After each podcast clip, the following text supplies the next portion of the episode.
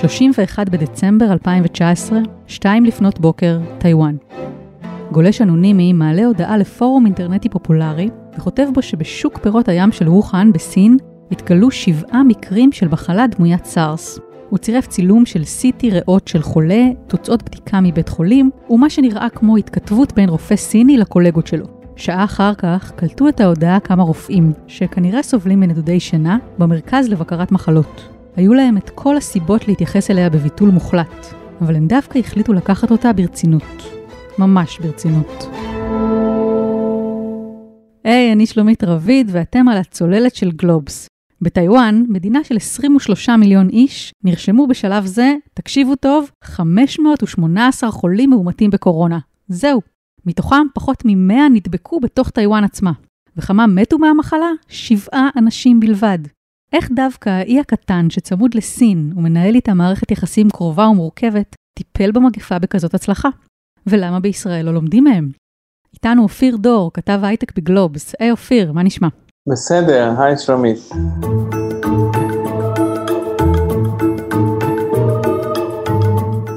אתה ראיינת השבוע לכתבה שמתפרסמת במגזין G של גלובס את אודרי טאנג, שרת הדיגיטל של טיוואן, שהיה לה תפקיד חשוב בהתמודדות עם המגפה. מה זה בכלל אומר שרת הדיגיטל? אז קודם כל, אודרי טאנג היא משהו שאנחנו היינו מכנים בישראל שרה בלי תיק.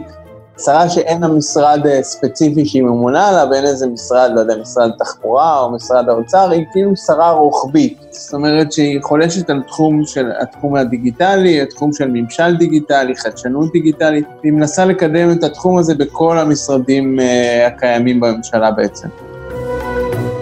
אנחנו רגילים לזה שדווקא שרים בלי תיק או שרים בלי משרד זה אנשים שלרוב לא עושים שום דבר. אז זהו, אז זהו, אז פה היא כנראה שוברת את הסטיגמה הזאת של שרים בלי תיק, אולי סטיגמה ישראלית, והיא דווקא אה, אישה שעשתה הרבה, גם אה, במגפת הקורונה, היא הפכה לדמות מאוד מאוד נערצת בזכות מגפת הקורונה. היא הפכה לדמות נערצת בטיוואן, והיא הפכה גם לשגרירה המובילה של ההצלחה הזאת של טיוואן מול הקורונה. עוד נתון אחד שלא לא ציינת, אבל הוא משמעותי, זה שמההדבקה האחרונה בתוך טיוואן, mm-hmm. כאילו בתוך הקהילה, הייתה משהו כמו חודש אפריל. וואו. אנחנו מדברים על מדינה שבעצם חזרה לחלוטין לחיים, יש עדיין מסכות וכאלה, אבל חזרה לחלוטין לחיים, הכי מנוגד למה שאנחנו נמצאים בו. מדהים. אז מה התפקיד של הדיגיטל? מה בדיוק הם עושים שגרם לכל כך הרבה אנשים להריץ אותה? אז היו כל מיני תפקידים של הדיגיטל במגפה. אולי נתחיל באחד מהם, שזה היה להתמודד עם הרבה דיסאינפורמציה והרבה פייק ניוז mm-hmm. שרץ ברשתות החברתיות, אנחנו מכירים את זה. היה להם איזושהי שיטה שהם פיתחו להתמודד עם זה דרך הומור, okay. אוקיי. ודרך תגובה הומוריסטית מאוד מאוד מהירה לפייק ניוז ולשמועות. עכשיו, ההומור גם שימש אותם וזה אולי גם מאוד מאוד חשוב, שימש אותם מאוד להעביר מסרים. בניהול של מגיפה יש הרבה קטע של תקשורת בין הממשלה לאזרחים, mm-hmm. אז הם השתמשו בהרבה הומור כדי לשכנע את האזרחים, או למכור את הפתרונות שהממשלה רוצה שהאזרחים ינקטו בהם. יש לך דוגמה? כן, יש הרבה דוגמאות. קודם כל, נתחיל בזה שבטיוואן, במשך חודשים ארוכים, כל יום משרד הבריאות עשה שם מסיבת עיתונאים והסביר עכשיו, אחרי כל מסיבת עיתונאים, הם אה, לקחו את המסרים העיקריים ממנה, והמירו אותם לכל מיני ממים אינטרנטיים משעשעים. Mm-hmm. יש להם את הקמע של משרד הבריאות הטיוואני, שהוא כלב, okay. אוקיי. אה, כלב שקוראים לו אה, ג'ונג צאי, כלב חמוד. במקום להגיד למשל בממים האינטרנטיים, תשמרו על מרחק של אה, שני מטר במקום סגור בין אדם לאדם, אז הם אמרו, תשמרו על, על מרחק של שלושה כלבים, או של שלושה ג'ונג צאי. אה, וזה ככה נפוץ באינטרנט, וזה איזושהי דרך להנגיש את המסרים האלה של המגיפה לאזרחים.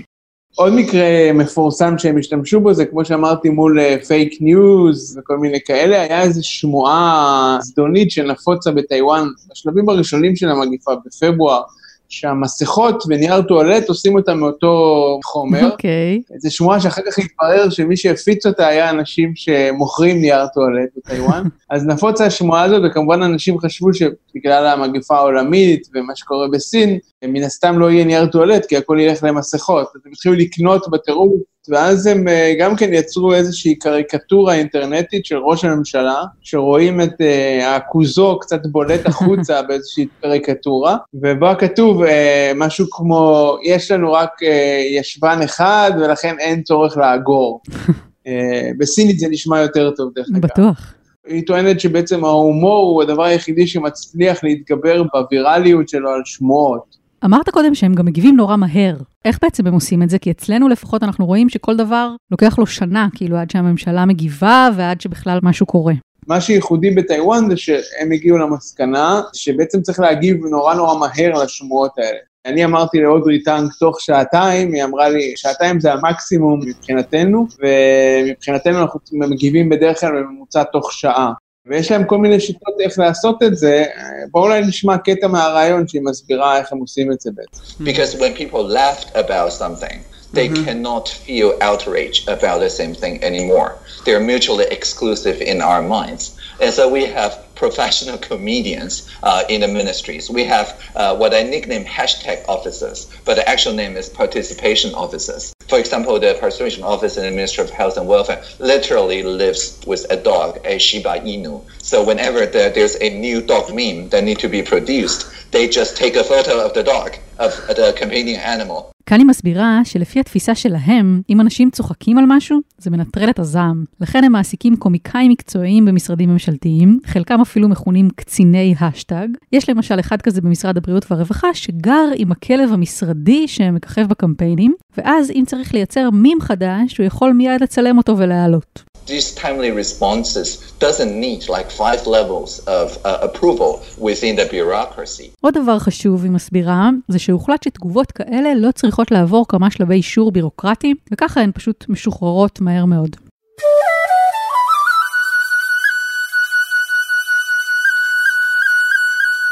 תכף נגיע לניהול המאוד מוצלח של המגפה בטיוואן, אבל לפני כן אני רוצה להתעכב שנייה על טאנג עצמה. זה שהיא שרת הדיגיטל זה אפילו לא פרט המידע הכי מעניין עליה. אודרי טאנג היא בעצם השרה הטרנסג'נדרית הראשונה בעולם. וואו.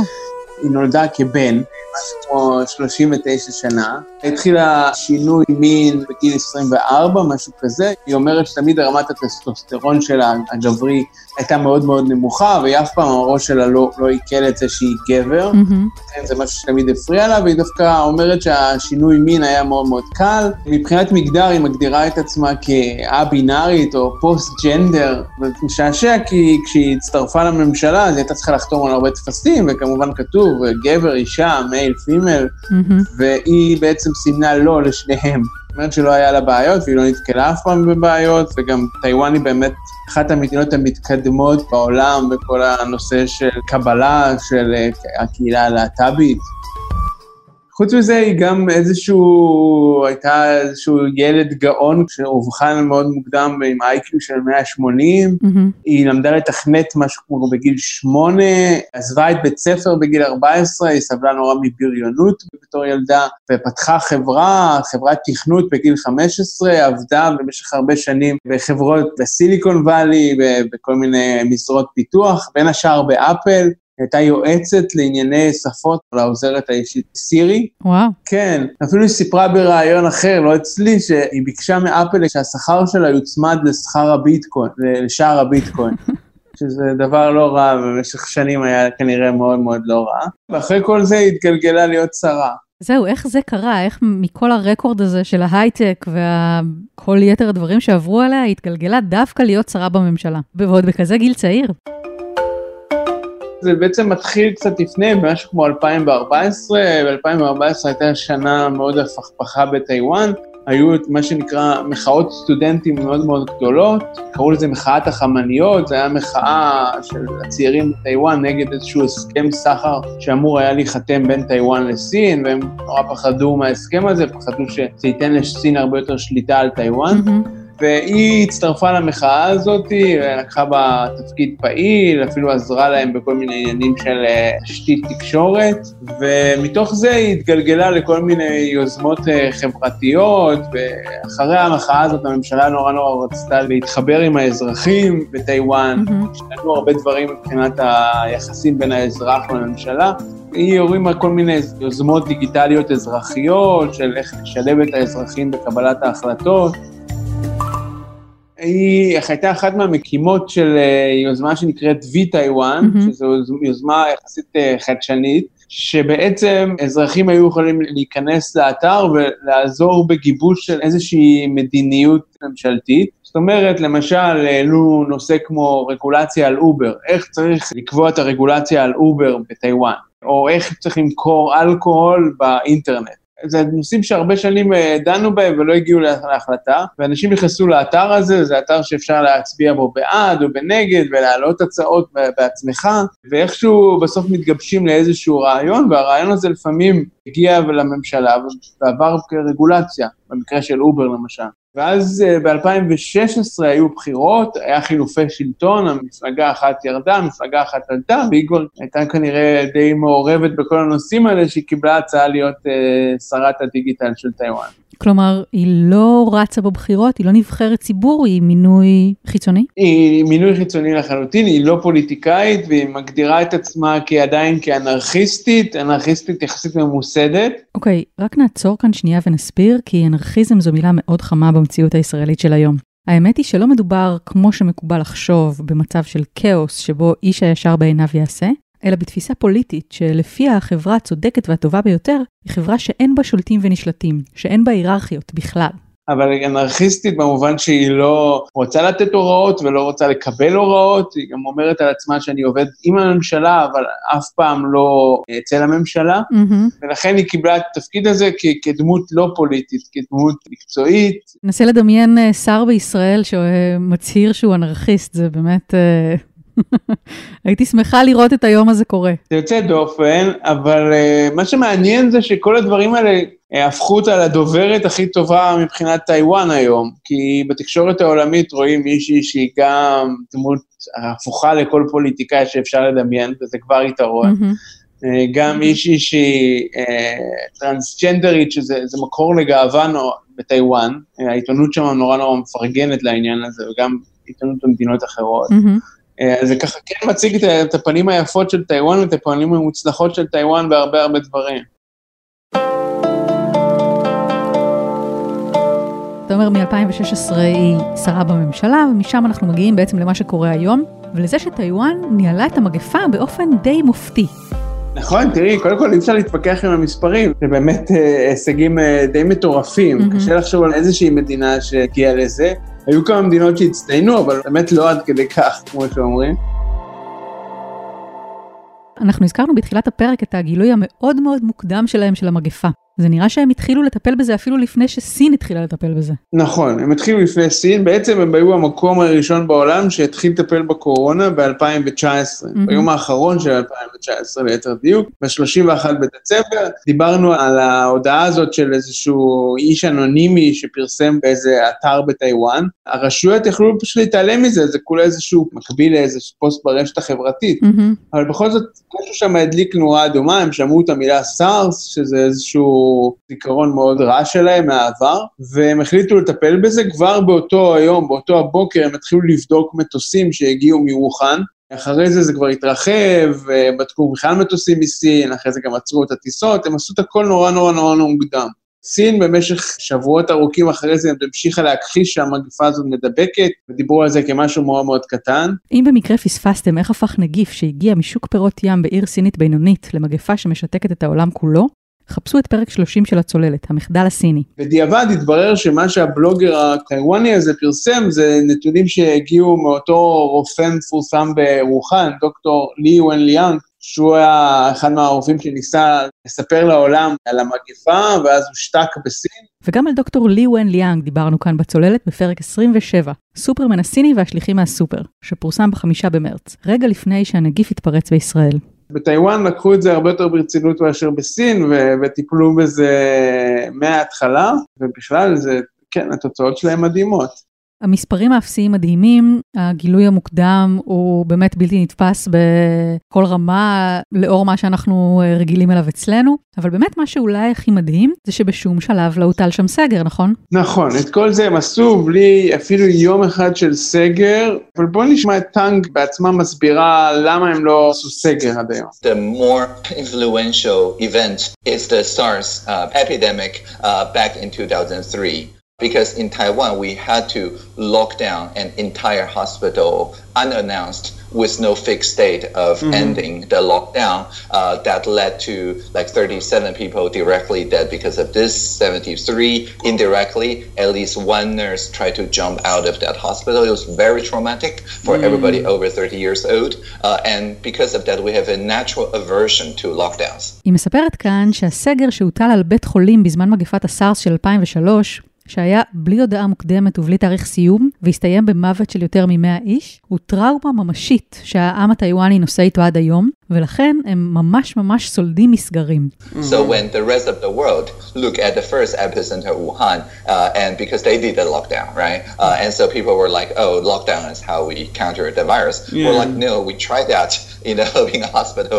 It, although it may work, it's very traumatic. We're not going to do that. ואז כששאר העולם חשב שסגר זו הדרך להילחם במגפה, בטיוואן הם דווקא אמרו לעצמם, כבר ניסינו את זה, זה לא עבד, לא נעשה את זה שוב. באמת, אה, יש לי חבר אה, ישראלי שגר בטיוואן, והוא לפני כמה חודשים פרסם בפייסבוק אה, פוסט שאמר, אני יודע שיום אחד אני אהיה באיזשהו בר ב... לא יודע, ניו יורק, סינגפור, טורונטו, וכולם יגידו, אה, בואו בוא נדבר על, על הזיכרונות שיש לכם מהסגר, ולכל אחד יהיה את הזיכרונות שלו מהסגר, ולי לא יהיה, כי בעצם טיוואן זה באמת אחד המקומות היחידים בעולם שמעולם לא הטיל סגר בקורונה.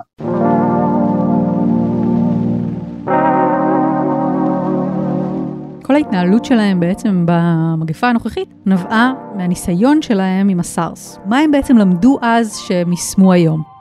ההתנהלות שלהם בסארס, הם אפילו מגדירים אותה בטיוואן ככאוטית, והיום הם, הם היו מאוד מאוד מאורגנים, עם תוכנית מאוד מאוד ברורה מה צריך לעשות, אבל אני חושב שהדבר הכי חשוב בהצלחה הזאת זה המסכות. כאילו ברגע שאנשים התחילו לדבר על מגיפה מתפתחת בסין, עוד שבסין הקטינו אותה נורא, אז כולם בטיוואן עברו, עברו לעטות מסכות. מבחינתם מסכות זה הדבר המרכזי שגרם להצלחה שלהם בהתמודדות עם המגיפה הזאת. יש איזה משהו שאודרי טאנג אומרת כל הזמן, היא אומרת, המסקנה שלנו הייתה שאם שני שליש מהאנשים אה, יעטו מסכה במשך היום, ושני שליש מהאנשים יקפידו על אה, רחיצת ידיים, אז uh, המקדם הדבקה mm-hmm. יהיה פחות מאחד והמגפה לא תתפשט. כאילו זה נשמע ממש פשוט ונשמע ממש בנאלי, אבל זה עבד להם. אומרת, כל מה שצריך זה שאנשים ישתפו פעולה, ואולי בשביל שאנשים ישתפו פעולה, אז uh, צריך שגם uh, תהיה באמת uh, תקשורת פתוחה ויעילה בינם לבין השלטון. גם אצלם הרי בהתחלה, ברגע שכולם היו צריכים מסכות, פתאום uh, נוצר איזשהו חוסר, נכון? נכון. מה הם עשו עם זה? גם בטיוואן היה תמונות uh, של תורים ארוכים ליד חנויות ומדפים ריקים של מסכות. אבל uh, הם הגיבו לזה יחסית uh, מאוד מאוד מהר. כבר במשהו כמו תחילת פברואר הם קבעו הקצבה של uh, שתי מסכות לבן אדם. זאת אומרת, כל בן אדם יכל לקנות שתי מסכות בשבוע, זהו. שר הבריאות אפילו הראה שם איך באינטרנט, בטלוויזיה, איך אפשר להשתמש במכונה להכנת אורז, מין סיר של אורז כזה, שיש לכל אחד בטיוואן, אפשר להכניס את המסכות בפנים בשביל לחטא אותם, כאילו להשתמש בהם שוב. ברגע שהם עשו הקצבה, כמובן זה יצר תורים ענקיים, והרבה פאניקה, והרבה אנשים שרצו מחנות לחנות. זה כבר אה, מזכיר אותנו קצת. כן, זה כבר מזכיר אותנו, אבל פה אודרי טאנג הובילה איזשהו רעיון שהיה מאוד מאוד משמעותי. ההקצבה של המסכות, לחלק אותם דרך אה, איזושהי רשת בתי מרקחת שקשורה לביטוח הבריאות בטיוואן, ככה שבעצם בבתי מרקחת האלה כל המלאי שלהם נכנס אוטומטית למאגר ממוחשב. אז ככה שאפשר mm-hmm. לדעת בכל רגע נתון איפה יש מסכות, איפה אין מסכות. ואז היא עשתה עוד דבר שהוא עוד יותר משמעותי, היא פשוט לקחה את, ה, את הקישור למאגר הזה ושלחה אותו להרבה אנשים. היא אמרה להם, תעשו איזה שימוש שאתם רוצים במאגר נתונים הזה, ותיצרו דברים שיעזרו לאנשים. מה שקרה זה שיצרו יותר מ-140 כלים שיעזרו לאנשים לדעת איפה יש מסכות בכל זמן נתון. כלי אחד זה כלי של מפה שמראה על כל בית מרקחת אם יש בו, אין בו, לאן ללכת ולאן לא ללכת. כלי שני זה איזשהו צ'טבוט, שגם אומר את אותו מידע, משהו אחר זה משהו קולי. אני מניח שהיא יכלה לעשות uh, מה שכל ממשלה נורמלית אולי הייתה עושה, פשוט ליצור איזושהי מפה רשמית של איפה יש מסכות ואיפה יש לא. עכשיו בוא נשמע למה בעצם היא לא עשתה את זה. People who originates the idea of maps is one side, but there are also people who are more elderly that would prefer a chatbot, or people who have seeing difficulties that would prefer a voice assistant, not to mention the 20 different national languages. It's just impossible for the government to deliver more than 100 different kind of services uh, for all the kind of people. היא מסבירה כאן שלאנשים שונים יש צרכים שונים. יש כאלה שמעדיפים מפה שמציגה איפה יש מסכות, יש כאלה שצ'טבוט או הדרכה קולית יהיו להם נוחים יותר, וזה עוד לפני שדיברנו על זה שבטיוואן יש 20 שפות לאומיות שונות. So if we open up the API for each person that says, hey, what you have provided is not accessible or inclusive enough, we can say, hey, here is the source code and API, go ahead and, and do your own version. לממשלה אין סיכוי לספק את כל השירותים לכל האנשים. אז היא החליטה פשוט לפתוח את הממשק לציבור ולהזמין אנשים לפתח בעצמם את הכלים שהם צריכים. זה נשמע כמו דבר, א', שממשלות לא עושות בכלל. לפתוח מאגר ממשלתי לציבור, ליצור כלים, זה נשמע כמו דבר שאפשר לנצל אותו לרעה בכל כך הרבה דרכים. נכון, קודם כל, אז זה ככה מתבסס על הרקע שלה בתור מפתחת, מפתחת שמתמחה בקוד פתוח, ושם mm-hmm. היא יכולה לשאול את הרעיון הזה ולהביא את הרעיון הזה, וזה גם מתקשר לנושא שהיא לפחות מדגישה אותו מאוד, של אמון בין הממשלה לאזרחים, עוד נגיע לזה גם בהמשך. וכאן הממשלה נתנה אמון באזרחים, ונתנה אמון שאם היא תיתן להם את הנתונים, אנשים לא ייצרו איזה כלים שמצליחים, אני לא יודע, לרוקן את המסכות מה, מבתי המרקחת, אלא ישתמשו בזה ליצור כלים מועילים. כן, ומה שמדהים זה שזה גם עבד בסוף, נכון? זה עבד, וזה סיפור שצריך להבין אותו בקונטקסט, אנחנו מדברים על תחילת פברואר, בתקופה הזאת, ואחריה, בערך בכל העולם אין מסכות. אנשים מסתובבים שבועות בלי מסכה, או אומרים להם ליצור מסכות מחולצות, או כל מיני דברים כאלה. יכול להיות מאוד שהתקופה הקריטית הזאת היא תקופה שגרמה להעצמה של כל המגפה בעולם, mm-hmm. ובטיוואן כבר בשלב הזה פותרים את הבעיה ויוצרים איזושהי תבנית שנותנת לכל אחד, גם אם לא הרבה מסכות, אבל מספיק מסכות להסתדר איתם, וגם לקבל אותם בצורה נוחה. אה, היום, דרך אגב, הם אפילו שכללו את זה, אתה יכול להזמין באינטרנט, והמסכה גם תגיע אליך הביתה. בתחילת הסגר הראשון, במרץ, כשאנחנו עוד נחרדנו מהמחשבה שהשב"כ יאכן את הטלפונים שלנו, ראש הממשלה נתניהו נתן את טיוואן כדוגמה למדינה שמשתמשת באמצעי מעקב דיגיטליים כדי להתמודד עם המגפה. האמצעי הזה נוסע בטיוואן, אה, כנראה בהצלחה יתרה. ישראל היא אחת המדינות הבודדות שיש לה את היכולת הזאת, אנחנו נשתמש בה.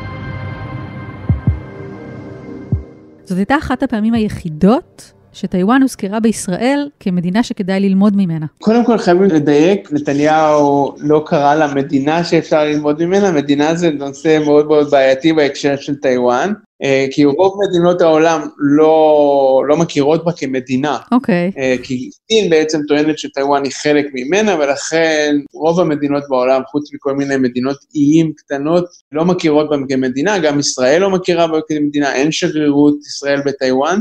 נתניהו, כשהוא הציג את, ה, את הפעם הראשונה את מה שנקרא האמצעים המיוחדים של, של השב"כ, אז הוא אפילו לא אמר של השב"כ, הוא אמר אמצעים מיוחדים, הוא אמר, כן, יש עוד מקומות בעולם שמשתמשים בהם, כמו טיוואן. בפועל זה לא מאוד מדויק מה שנתניהו אמר, כי טיוואן כן mm-hmm. משתמשת בנושא של איכון טלפונים, אבל משתמשת בו בתחום מאוד מאוד מאוד ספציפי, שזה לבדוק אם אנשים שומרים על הבידוד או לא שומרים על הבידוד. נגיד אם מישהו מגיע בטיוואן מחו"ל, אז יש לו אופציה להיות בבית מלון, ואז מפקחים אם הוא שומר על הבידוד או לא. אם הוא בוחר להיות בבית ויש לו תנאים מתאימים בבית, אז הוא צריך להיות מה שנקרא בבידוד דיגיטלי, שזה אומר שהוא מקבל תשלום על זה מהמדינה, הוא מקבל 33 דולר על כל יום שהוא בבידוד בבית, אבל אם מוצאים דרך הסלולרי שלו שהוא יצא מהאזור של הבית, או מהטווח של 50 מטר, אז uh, הוא בעצם יכול להיכנס בקנס שהוא פי אלף יותר מהסכום הזה.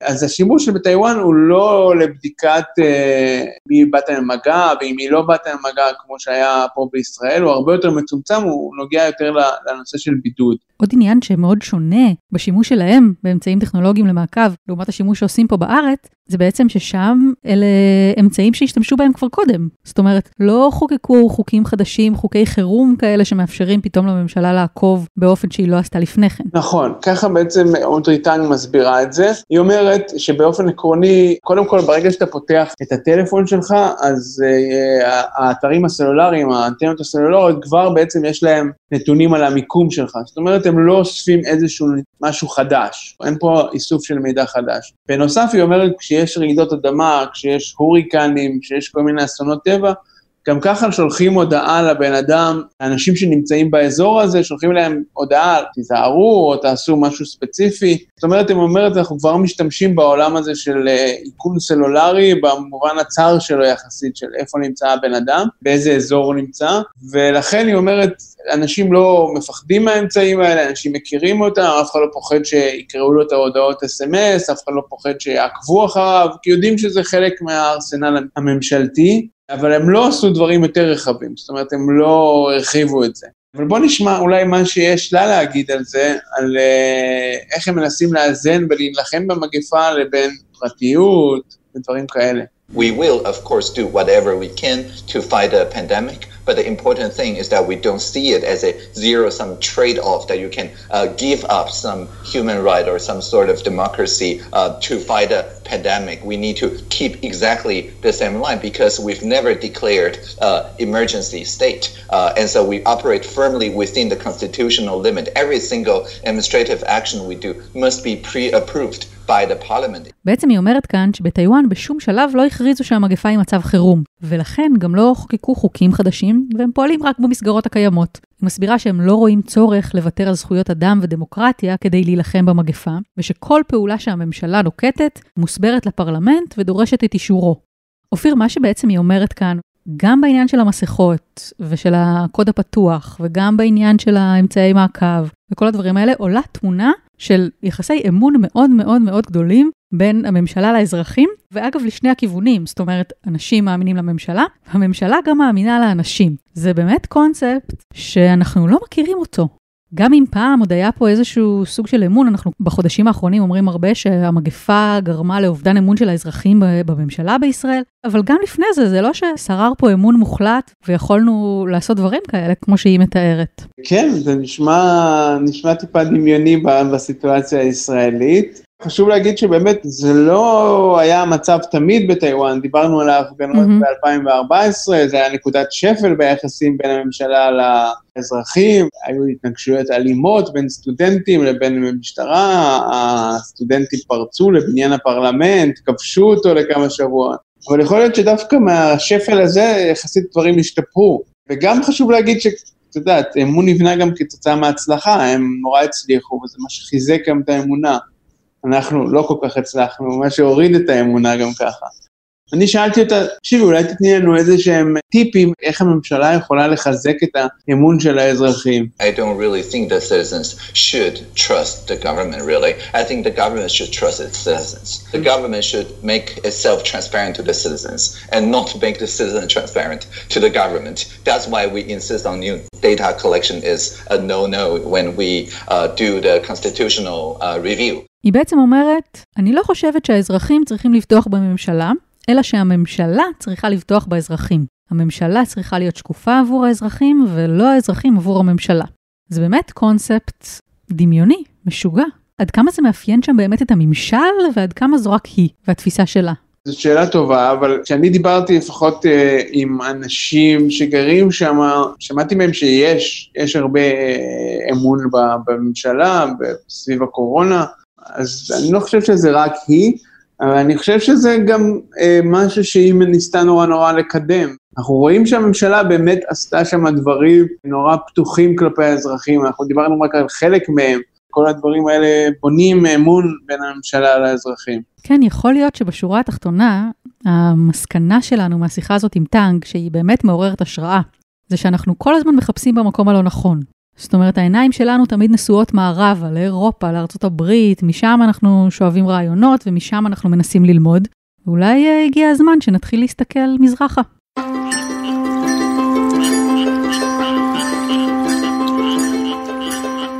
עד כאן עוד פרק של הצוללת. מוזמנות ומוזמנים לעקוב אחרינו בספוטיפיי או בכל אפליקציה שאתם אוהבים, וכמובן לשלוח את הפרק לחברים שיכולים ליהנות ממנו. לפני שניפרד, אני רוצה לספר לכם שהפודקאסט שלי, דברים שרואים משם, חזר לעונה חדשה. השבוע יש פרק מרתק עם יעל אוזן תדהר, שגרה בממלכה האפריקאית סוואזילנד. חפשו דברים שרואים משם בכל האפליקציות. תודה רבה אופיר דור שהיית איתנו. תודה שלומית. תודה לעורך הפודקאסטים רון טוביה ולכל צוות הצוללת. אני שלומית רביד, ניפגש בשבוע הבא.